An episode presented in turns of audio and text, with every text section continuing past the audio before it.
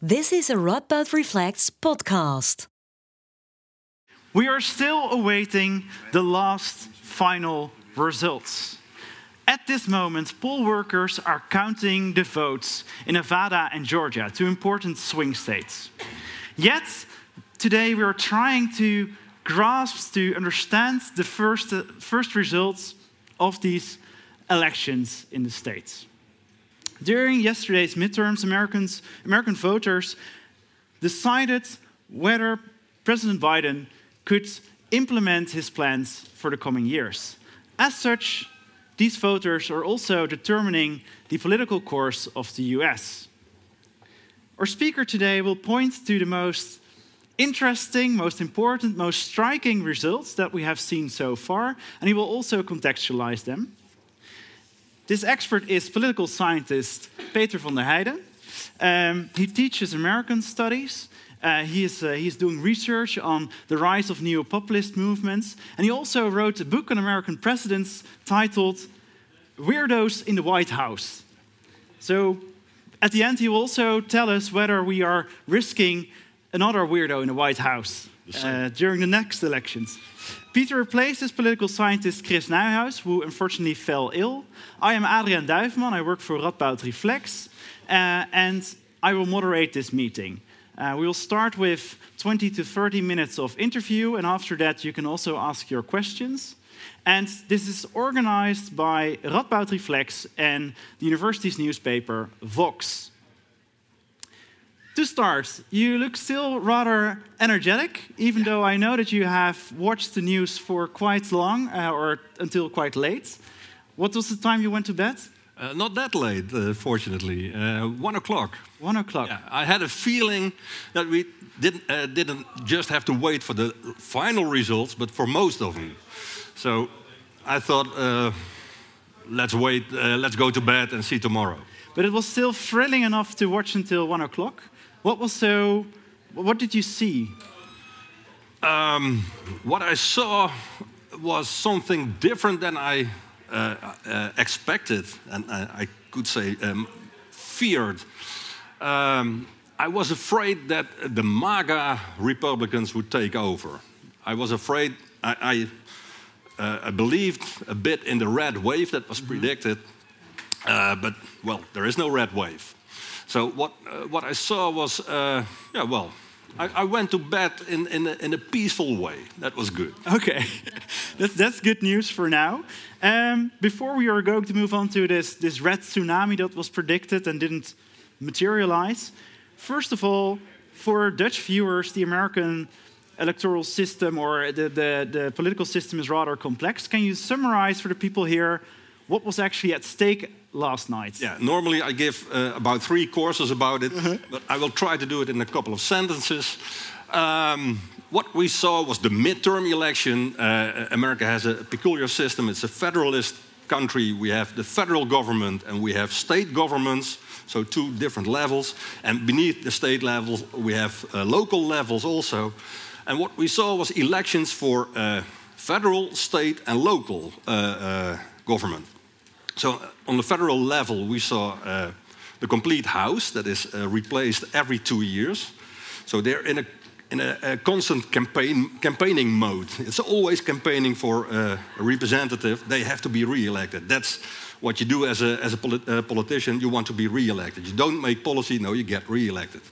Uh, uh, we saw one third of the Senate being elected, and beneath that, we saw governors, we saw secretaries, uh, secretaries of state, we saw uh, state senates, we uh, saw state houses being elected.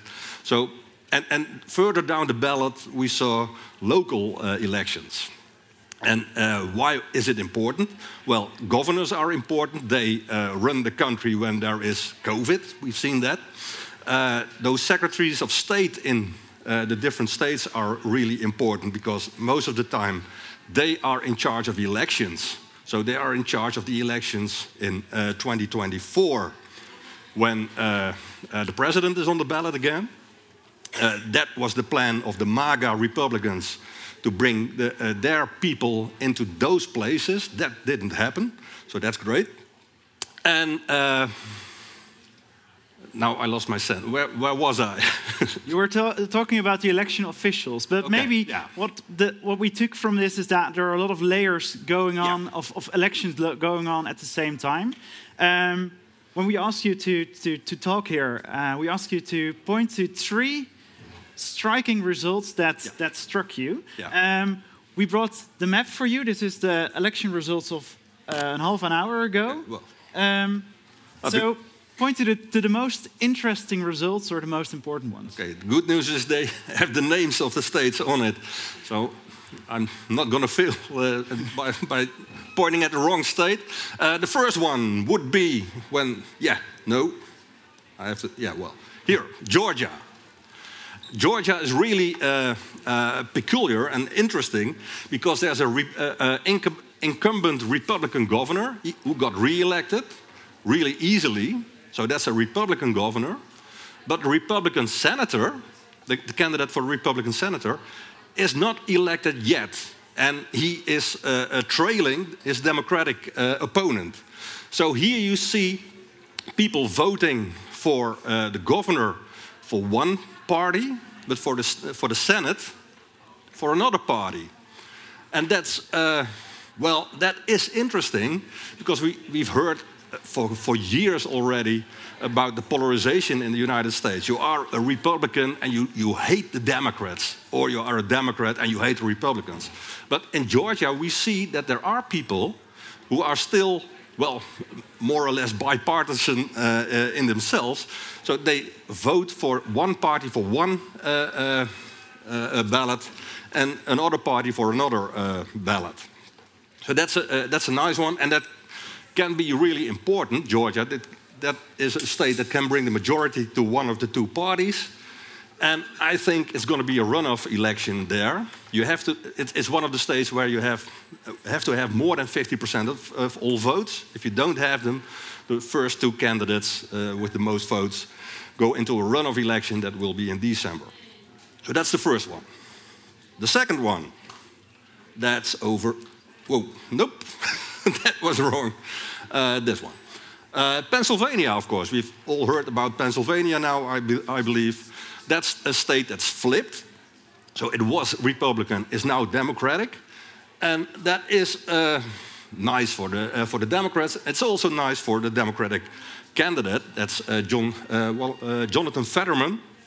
And uh, he was way ahead of his opponent during a, a big part of the campaign, but he got a stroke and he wasn't uh, uh, physically able to, uh, to campaign for a long time. And uh, the Republicans really held that against him, that he wasn't physically fit enough to be uh, a senator.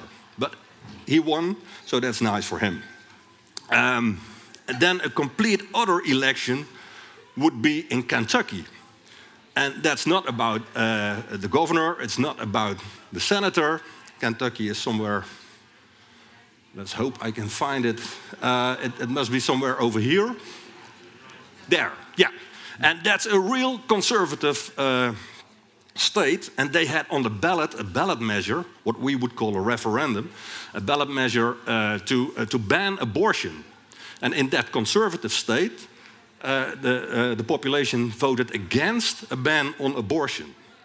So that's, uh, that's something really interesting what happened there. And the last one would be, and that's a really easy one, I've been there a lot, Florida, where Rick DeSantis, uh, the governor, uh, won in a landslide with about 20% more uh, votes than his opponent. And uh, DeSantis uh, is, uh, well, the challenger of, of Trump, of course. So his position is really, has really grown now, I believe. So you cheated a little with the fourth one. But um, you, you mentioned a lot of names. There are, of course, these very weird characters in these races that we have heard about also in the Dutch news. Zooming out, we expected a red tsunami. It hasn't materialized. Why is there still so much blue? Yeah, well, it, it's when when there is something red, it's a red drizzle now. So that's uh, that's, I believe that's good. Why is there so much blue? Well, I think uh, Or still so much blue? still so much blue. Well, um, my theory is that pollsters poll for the last election. And uh, so they uh, underestimated the Republican vote in 2016. They underestimated the Republican vote in 2020. Uh, so they compensated for underpolling. And what happened now, they, they uh, overcompensated doing that. So all those predictions of a red wave were uh, wrong again. So the next election uh, will be uh, with the results of this election, and then you, uh, it might be that the Democrats are uh, overrated in the polls. So the, the, the message that we can take from this is that we cannot trust the pollsters. Uh, polls are really nice for historians. So they always uh, poll the last election. They do it now, not the current election. They do it. They, they try to poll the current election, but they do it with uh, what, what they learned from the last one. And the situation is always different. I see. Um, you also already mentioned this this um, uh, referendum on, on abortion in Kentucky. What were the, the topics that were most important to American voters this time? that depends whether you ask a, a Republican or you ask a Democrat. Uh, Republicans, uh, the, the most important ones were uh, uh, inflation, uh, economic recession, uh, uh, crime, uh, guns, things like that. The basic, uh, the basics for uh, Republicans. So, uh, guns, uh, uh, abortion, and Jesus. That's that's what what they uh, stand for. Um, when you ask the Democrats, for them, abortion was high on the list. And not to ban it, no, to uh, uh, make it possible, to keep it possible. So that was, uh, that was their incentive to go to the ballot. And uh, the good news for the Democrats is that, that uh, uh, a record number of, of women uh, have uh, uh, registered for voting. So in, in the suburbs, and that's where they win. That's, that's the, the, base, the base for democratic vote. So it's like 2020, uh, they are saved by the women in, in the suburbs of the big cities. And we heard also in the news a lot about the uh, that's that's uh, um, Clinton's famous quote: "It's the economy, stupid." Would also be that, that also would apply to this election. That the economy was very important. How did that topic influence the Republican and Democratic votes? Was it as important? Because you didn't mention it for Republicans yet. Yeah, I, I mentioned it for. Republicans. It, it was important for Republicans, but not at all for uh, uh, uh, Democrats. They, for, for them, uh, the, the most important thing was abortion, but also democracy. Uh, what what uh, Biden said in, uh, in, in two of his last speeches, it's about dictatorship versus democracy. How democratic will America be when we have those MAGA people uh, running elections, things like that. Uh, so that was high on the list for, uh, for Democrats and even for independents, I believe. And uh, well, you win when you get the, uh, when you get the independents in your uh, column. So you mentioned independence. You, you, there, of course, is this, there's this two-party system. Um, you're also you're a political scientist and a historian. You look back at the past. Um, there's for centuries there has been this two-party system in the United States. We hear a lot about polarization now. Is it that much that much worse than it was in the past?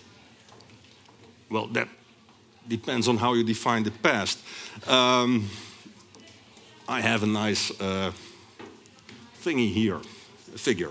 Here you see, uh, uh, for the uh, 20 years, well, 30 years for, uh, be- before now, here you see uh, what, what, what the movement is that, that polarization makes.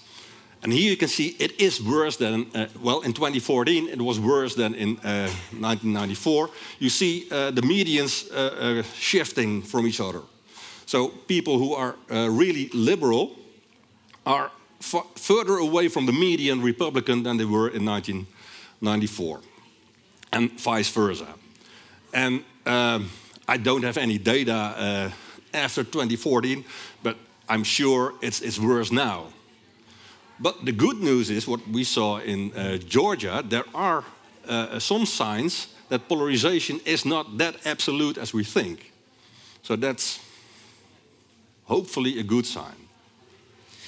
Um, within these two parties, these, these members, uh, the members represent a wide range of political standpoints. There are these two blocks, but in these parties there are more left-leaning members and more right-leaning members, and also candidates on both sides. Can we also see during this election or the, the run-up to it a change in or a shift in the ideology of these parties themselves? Is there also something shifting there? That's, uh, that's not an easy question, uh, I believe. But well, first, those parties are indeed uh, they are uh, well a, a, big tent, as they are uh, uh, called, with lots of different viewpoints. when you compare it to our parliament, the Democrats would be from the SP to well half the Liberal Party, half the VVD, and the Republicans would be from well Forum or, or the PVV uh, to halfway uh, the Labour Party, the Partij van de Arbeid. So it's left and right in one party. Uh, one of the best examples is uh, Joe Manchin.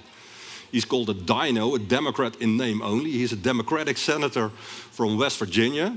But he, the way he votes, he looks like a, a, a Republican. It, it is a heavy Republican uh, uh, state where he is senator. But nobody knows why he is a Democrat. So he's one of the 50 uh, uh, uh, Joe Biden has, has to work with in this uh, Congress.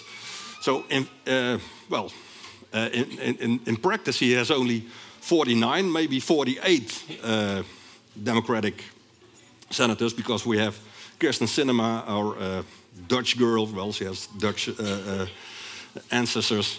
Um, she is a bit like him too. So those are the outlayers in, in, in uh, that party. You, the, the, Republicans are more of one block. Uh, well, they were more of a block because they have that MAGA, uh, MAGA uh, part now, and that will be a bit bigger, I believe, after this election. Um, your question was, do we see a shift? Let's try to answer that one. Um, well, when, when you look at, at, Pennsylvania, that's a left wing uh, uh, senator. Mm -hmm. uh, Jonathan Fetterman is a, is a working class hero. So there you, you could say, well, it, it's a, a, a, shift a bit to the left, but only in that, uh, in that state. There are so many different candidates that you cannot say, well, that party is, um, makes a shift to the left or to the right. The only thing you can say is that the Republicans try to make a shift to the right, mm -hmm. but they are, well, I think, punished by uh, the electorate for doing that. Also, within the Republican Party, you mentioned left and right within the Democrats. Within the Republican Party, there are these the, the, the MAGA caucus uh, is, is very present at the moment. Mm -hmm. um, they are the Trumpists. What was the role of Trump within in this in this election? A big one. He's the uh, well, how would you say? He, he, he, was the big spirit in the sky, uh, uh, a big black cloud hanging over this election. Uh, he was not on the ballot, of course, but lots of uh, people he uh, endorsed were on the ballot. And you see, a lot of people he endorsed didn't make it. we saw that in the primaries already, that more moderate candidates ma made it to the ballot. And you see it now with the, the real serious starting here. Always. Always the same. Um, um, and, you see it now with the, the, the elections that, that uh, the, the, the, hardcore MAGA uh, candidates, they lose from Democrats. So um, the role of Trump is uh, clear, I believe. Well, yeah, well, he's played out. That is the role he gets after this election. He made that uh, that big announcement uh, yesterday or, or, the day before yesterday that uh, next week there will be a great announcement. Uh, everybody thinks he's going to say that he's going to run for president again, and maybe he will. But uh, yesterday was a clear uh, sign for Trump that his role is played out. And well, I heard one of the, of the uh, commentators say on, on CNN, why take the only one who would lose from Biden? -hmm. That is Trump. Yeah. Every other Republican will win from Biden next uh, next uh, next time. Would, would Trump himself get the sign, you think? Um, well, he's not that sensible, I believe. Talking about the senses of Trump, uh, or his lack of sense, um, he of course made the claims that there was large-scale electoral electoral fraud during the mm. last uh, run for presidency. Yeah. Um, during this election, the uh, GOP invested a lot in training um, poll officials and election officials and, and poll workers uh, to, to, to trace voter fraud. Um, do you think that in the coming weeks there will be a lot of lawsuits about voter fraud? Is that? Yeah, I'm sure. Yeah. Uh, well, uh, it started already. And there was in, in uh, uh around Phoenix, uh, that county, there was a problem with the, the, the, the voting machines. So, and immediately Trump started tweeting, "There's something bad going on. Let's look at that." So there will be uh, some some contesting of those results, I believe. And when it's when it's uh, uh, uh when the difference is really small between, well, look at Georgia with the uh, the, the, the, leading Democrat has, I believe, 49.3, and his Republican opponent has 48.8. Well, that is about 10,000 votes in Georgia. Mm -hmm. There will be laws, there will be recounting lawsuits, things like that. Trump calling and, and, and, on the phone and asking for more votes, things like that. to find another 10,000 yeah, votes. Find in, uh, me the votes. Yeah. So, what effect will that have on uh, the American on American politics? That we have to, will have these these lawsuits in the coming years, probably, mm -hmm. or how long this will this take? Yeah, well, I think. Uh, one, one of the things I, I got out of uh, the, the exit poll yesterday was that the American public has had it with that kind of politics. Uh, one of the questions was do, uh, uh Are you uh, satisfied with, uh, well, do you think we have fair elections? And over 60% said, Yes, we think we have fair elections. So that is also a part of the Republican Party mm -hmm. because they're, they're all, well, it's a bit 50 50. They're in balance. So even Republicans think that, they are, that, that, that there are fair elections. And uh, another one uh, of the questions was, do you think that, uh, that we uh, should uh, decide this sort of elections in court? And people said, no, we have elections for that. Mm -hmm. And uh, I think that is, well, that's a good sign. And I believe that the longer you try to win elections like this, and not with a, a better candidate or a better program, a better platform, but by trying to yeah, well, uh, frustrate and obstruct uh, uh, the electoral process, the less votes you will get. And well, and the harder you will uh, will call uh, cry wolf and say, well, there's fraud again. Mm -hmm. yeah. We are now already looking forward in the last couple of minutes of this this part of the the uh, conversation. Um, I'm going to continue that line, looking forward okay. to to U.S. politics in the coming two years. Do you think that Biden can implement his plans for the coming two years? Um, yeah, well, we don't know how the House uh, will, will uh, get out of this election. So that's, that is really dependent on uh, whether uh, the, the, the, Democrats hold their uh, majority mm -hmm. or, uh, or the Republicans taking the majority. When there is a, a, a majority in one of the houses for the Republicans, uh, Biden can go home. He can go golfing. Well, he's not much of a golfer, not like uh, Trump. he can can go do whatever he wants to do. He's, he's done governing. He's a lame duck president then. Uh, when they keep uh, the House, even with a small majority, and when they gain, well, hopefully one more Senate seat, hopefully for Biden, of course, I'm not, uh, I'm not a Democrat, I'm a, I'm a scientist. Um, but uh, if they gain one more seat, then Biden has his hands free and he gets rid of Joe Manchin and Kyrsten Sinema, the, the, the, uh, the dissident uh, Democrats, and he can do whatever he wants. Mm -hmm.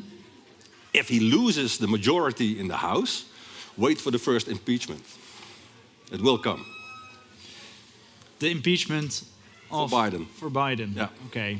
That's revenge. Revenge yeah. for, for, Trump got two. Uh, well, he will get one also. Yeah.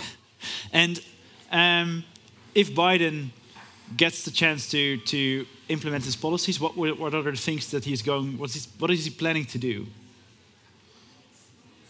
What, what is he planning to do? What? Yeah, what, what, How? if in the, in the coming two years, if Yeah. he if he holds the House and uh, the, and and gains seats in the Senate, what are his plans? Um, Well, for the coming I think he will try uh, to, to, to implement what, what didn't work out in the first. Uh, uh, well, it's not the first. But it's still his first term. But the first half of the first term, because of, of the obstruction of, of Manchin and, and Sinema, uh, that the, the the infrastructure plan, uh, uh, uh, social security, uh, uh, child care, things like that. Um, what his plans were, uh, well, almost uh, uh, social democratic what he wanted to do.